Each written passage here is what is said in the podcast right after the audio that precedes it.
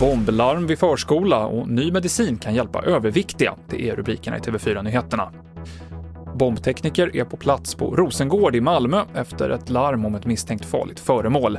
Polisen har uppmanat boende och även barn och personal på en förskola att hålla sig inomhus medan bombskyddet jobbar på platsen.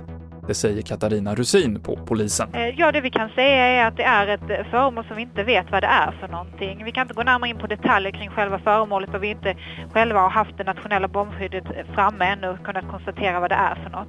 Det är stora problem för tågen efter en urspårning norr om Stockholm. Det är förseningar och inställda avgångar från Stockholm mot Uppsala och Gävle. Även norrgående tåg från Göteborg har störningar som beror på rälsproblem. Det här drabbar till exempel tågen som går mot Uddevalla och Strömstad.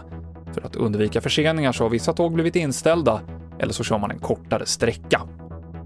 Mycket tyder på att det räcker med en vaccindos för den som redan har antikroppar mot covid-19, enligt två amerikanska studier. Men Folkhälsomyndigheten fortsätter ändå att rekommendera två doser för alla, det rapporterar SR.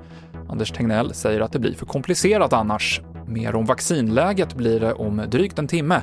Socialminister Lena Hallengren och Sveriges vaccinsamordnare med flera ska hålla en pressträff som vi sänder kvart över ett på tv4.se.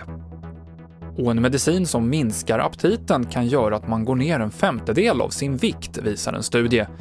Medicinen härmar det hormon som utsöndras i kroppen när man blivit mätt och de som deltog i studien tappade i snitt 15 kilo på 15 månader. En forskare säger till BBC att medicinen kan bli en game changer för överviktiga.